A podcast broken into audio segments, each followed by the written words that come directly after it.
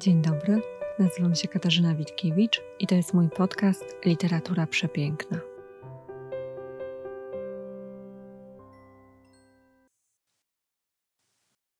Zgodnie z obietnicą przychodzę dzisiaj do Państwa z przepiękną książką, jedną z najlepszych książek, jakie przeczytałam w ostatnich latach. Wypatrzyłam ją w takim zestawieniu książek na Instagramie. Podchodzę wprawdzie do takich zestawień dosyć nieufnie, ale bardzo spodobał mi się tytuł i pomyślałam, że ją zamówię. To była książka Nazwij to snem Henry'ego Rota i kiedy ona do mnie przyszła, to się załamałam, bo zobaczyłam, że to jest kolejny grubasek, czyli kolejna książka o wielkiej objętości. Nie wiem, jak Państwo podchodzicie do takich grubych książek. Ja je lubię, ale nie potrafię ich czytać jedną po drugiej. A że wtedy miałam akurat taki ciąg czytelniczy, że czytałam o szczęściu Tatarkiewicza, potem dzienniki Sylwii Plat, potem wróciłam do książki Atlas Zbuntowany, to kiedy przyszedł ten rod, to popatrzyłam na niego, odłożyłam i tak sobie stał na półce dobre dwa miesiące. Aż przyszedł taki wieczór, kiedy ja akurat miałam pozamykane lektury, niczego nie czytałam, było bardzo późno, bo robiłam babeczki dla mojego synka, wstawiłam te babeczki do piekarnika i musiałam odczekać pół godziny, aż one się upieką. I tak zerknęłam na tego rota, myślę, a dobra, zajrzę, zobaczymy co to jest. Zaczęłam to czytać bez żadnych oczekiwań i zadziało się coś tak magicznego, że po kilku stronach zupełnie przeniosłam się w czasie. Trafiłam na statek dopływający do wybrzeży Ameryki, zobaczyłam tam kobietę z malutkim dzieckiem, synkiem, Dawidkiem, potem mężczyznę, który na nich czekał i który był taki dość szorstki i pasywno-agresywny. On potem okazał się głową tej rodziny i nie mogłam się od tej książki oderwać. Babeczki się upiekły, północ minęła, ja czytałam dalej i uświadomiłam sobie przy tym, jak bardzo tęskniłam za taką właśnie powieścią, taką powieścią w starym, dobrym stylu, gdzie nawet nie musi się wiele dziać, aby działa się magia. Henry Roth napisał tę książkę niemal 100 lat temu. I chociaż krytycy ją docenili, to ona nie odniosła na początku żadnego sukcesu, sprzedażowego oczywiście, ani czytelniczego. Właściwie przepadła bez echa.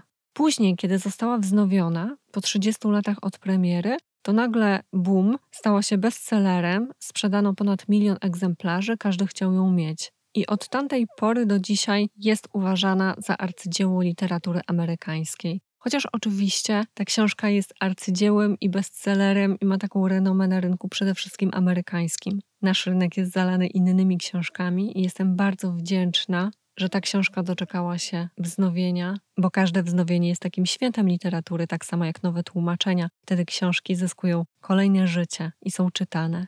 I co ciekawe, Henry Roth nie wydał właściwie niczego więcej, przez co jest często nazywany autorem tej jednej książki. Albo może inaczej, nie tyle nie wydał, bo on napisał cykl sześciu powieści, ale przez to, że tam pojawiały się wątki kazirodcze, oparte zresztą na doświadczeniu pisarza, to wybuchł skandal. Siostra Rota zaczęła to blokować, kazała usuwać niektóre partie, bo ona oczywiście była pierwowzorem. No, takie duże zamieszanie tam powstało. Nie chciałabym się zresztą na tym skupiać, na tym skandalu, bo on jest w tej chwili najmniej istotny, ja mówię o nim tylko dlatego, że jest w tym coś takiego niesamowitego, że można być autorem jednej powieści, ale jest to powieść absolutnie doskonała. Ta powieść, czyli dokładnie blisko 600 stron przepięknego, wybitnego powieściopisarstwa. To jest historia chłopca, Dawida Sherla, jeśli dobrze wymawiam to nazwisko. On jest małym synkiem żydowskich imigrantów. Oni na początku XX wieku opuszczają wschodnią Galicję, przypływają do Nowego Jorku i chcą tam spełnić swój amerykański sen. I oni i my bardzo szybko orientujemy się, że ten sen nie będzie miał takiej pastelowej tonacji, bo oni są po prostu biedni. Mieszkają w slumsach, w czymś na kształt żydowskiego getta. Ojciec jest głową rodziny, pracuje, jest pracownikiem fizycznym. Matka zajmuje się domem i dzieckiem, Chociaż właściwie to dziecko, czyli Dawidek, jest tak naprawdę wychowywany przez ulicę. On się wychowuje sam. Akcja tej powieści jest niespieszna.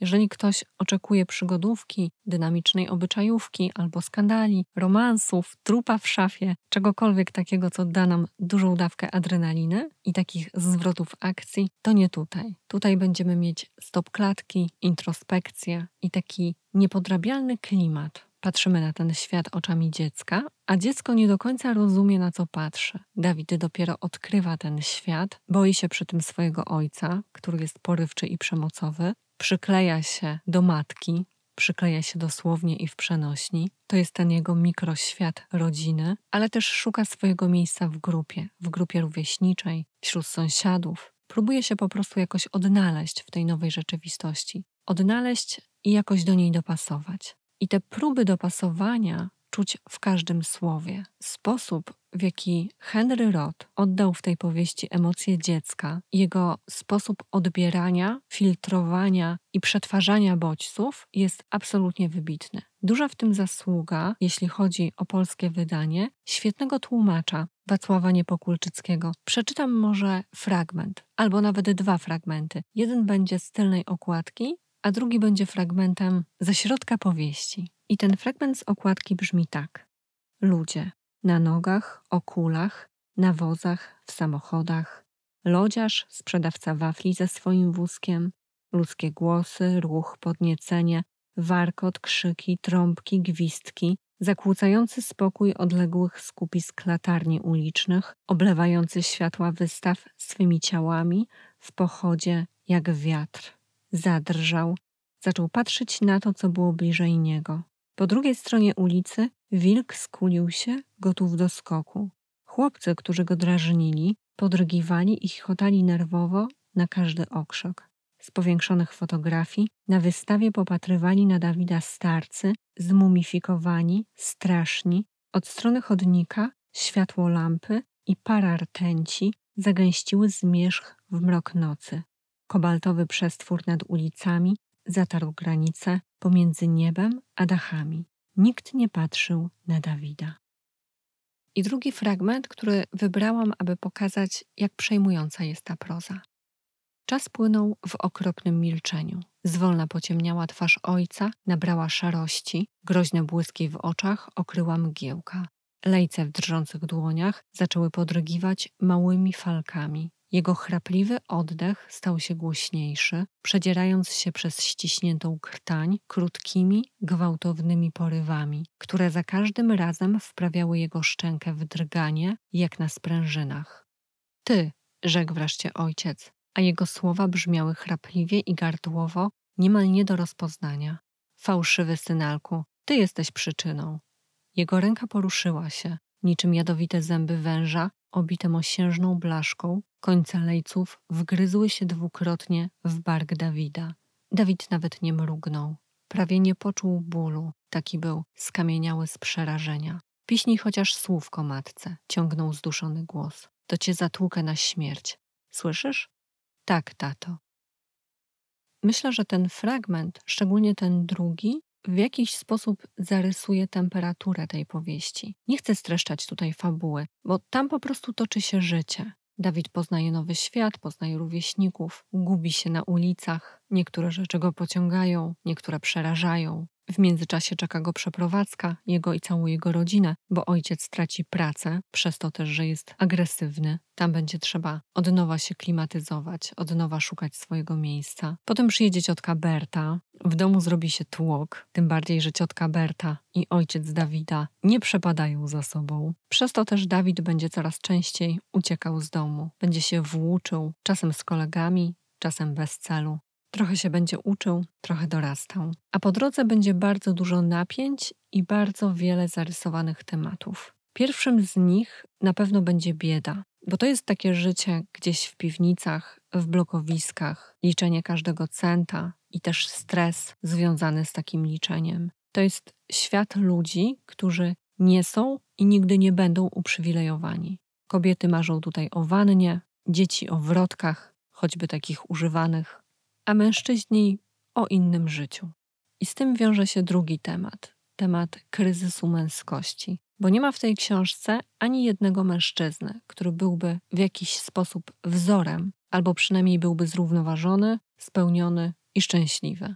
Takim najbardziej dobitnym przykładem, co już możemy wywnioskować nawet z tego fragmentu, będzie ojciec Dawidka, który będzie się też wyżywał cały czas na swoim synku. Ale też nie tylko na nim, bo on się wyżywa na wszystkich: na dziecku, na żonie, na współpracownikach. Jest sfrustrowany, nieufny, cały czas żyje problemami z poprzedniego życia. Dawid się go bardzo boi, co w ogóle nie jest też dziwne. Jest wiele scen, w których ta przemoc jest przejmująca i przy których można się zastanowić, co będzie dalej, czyli jak kiedyś będzie wyglądać życie Dawida i czy on będzie powielał te zachowania, kiedyś, kiedy będzie już dorosły, czy odziedziczy te przemocowe zachowania, jak one na niego wpłyną i jak długo ta trauma będzie w tej rodzinie przekazywana z ojca na syna. Zresztą ten tytuł, który mi się wydawał bardzo poetycki i magiczny i kojący, wcale taki nie jest. I to właśnie scena z udziałem ojca zdradzi nam znaczenie tego tytułu. Ja jej oczywiście nie zdradzę, zostawię przyjemność odkrywania takich tajemnic Państwu. I przeciwieństwem tego ojca, jego przeciwwagą, jest w tej powieści matka Dawidka, która jest nadopiekuńcza, zawsze obecna, zawsze czeka w domu. Gdy czytałam o tej relacji, to przypomniała mi się taka teoria psychologiczna, teoria przywiązania, która mówi o tym, że aby dziecko mogło się prawidłowo rozwijać, to potrzebuje figury przywiązania. I tą figurą przywiązania jest właśnie najczęściej matka, bo po prostu matki spędzają najwięcej czasu ze swoimi dziećmi. I według tej teorii to właśnie sposób reagowania przez matkę na potrzeby dziecka i jakość tej relacji warunkuje to, w jaki sposób dziecko będzie mogło w przyszłości budować własne relacje z innymi ludźmi. Czyli właściwie od tego, jak wyglądała nasza relacja z matką w pierwszych latach życia, będzie zależało, w jaki sposób my, jako dorośli ludzie, kształtujemy swoje związki i wchodzimy w inne relacje. I tam są cztery style przywiązania.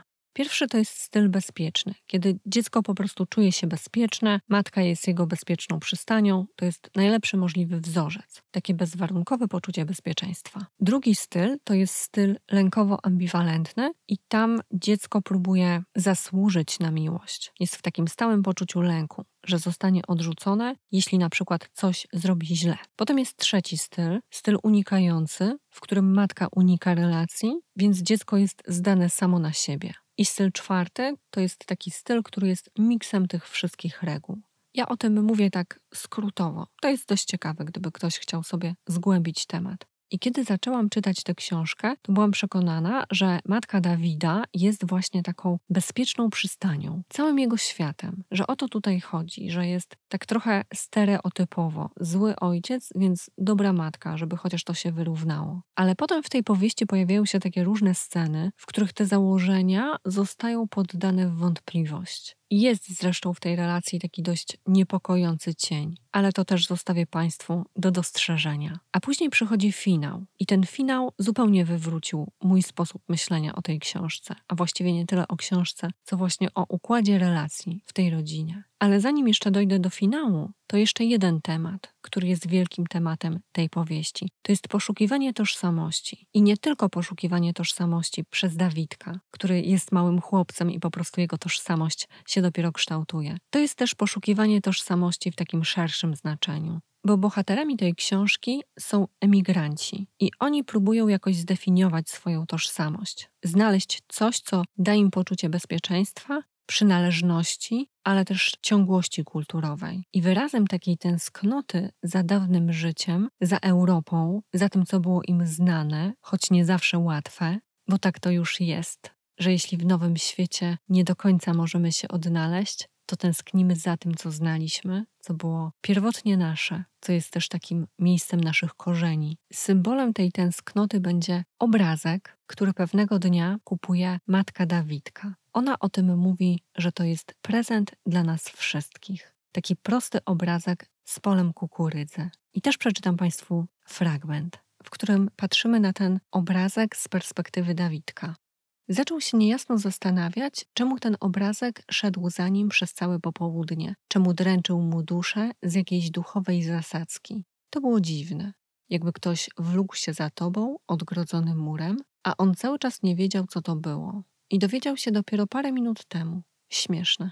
A potem okazuje się, że to nic wielkiego, tylko obrazek z zieloną kukurydzą i niebieskimi kwiatkami u dołu. Może dlatego, że matka wydała się taka uradowana, kiedy szukała gwoździa. Śmiała się. Może dlatego.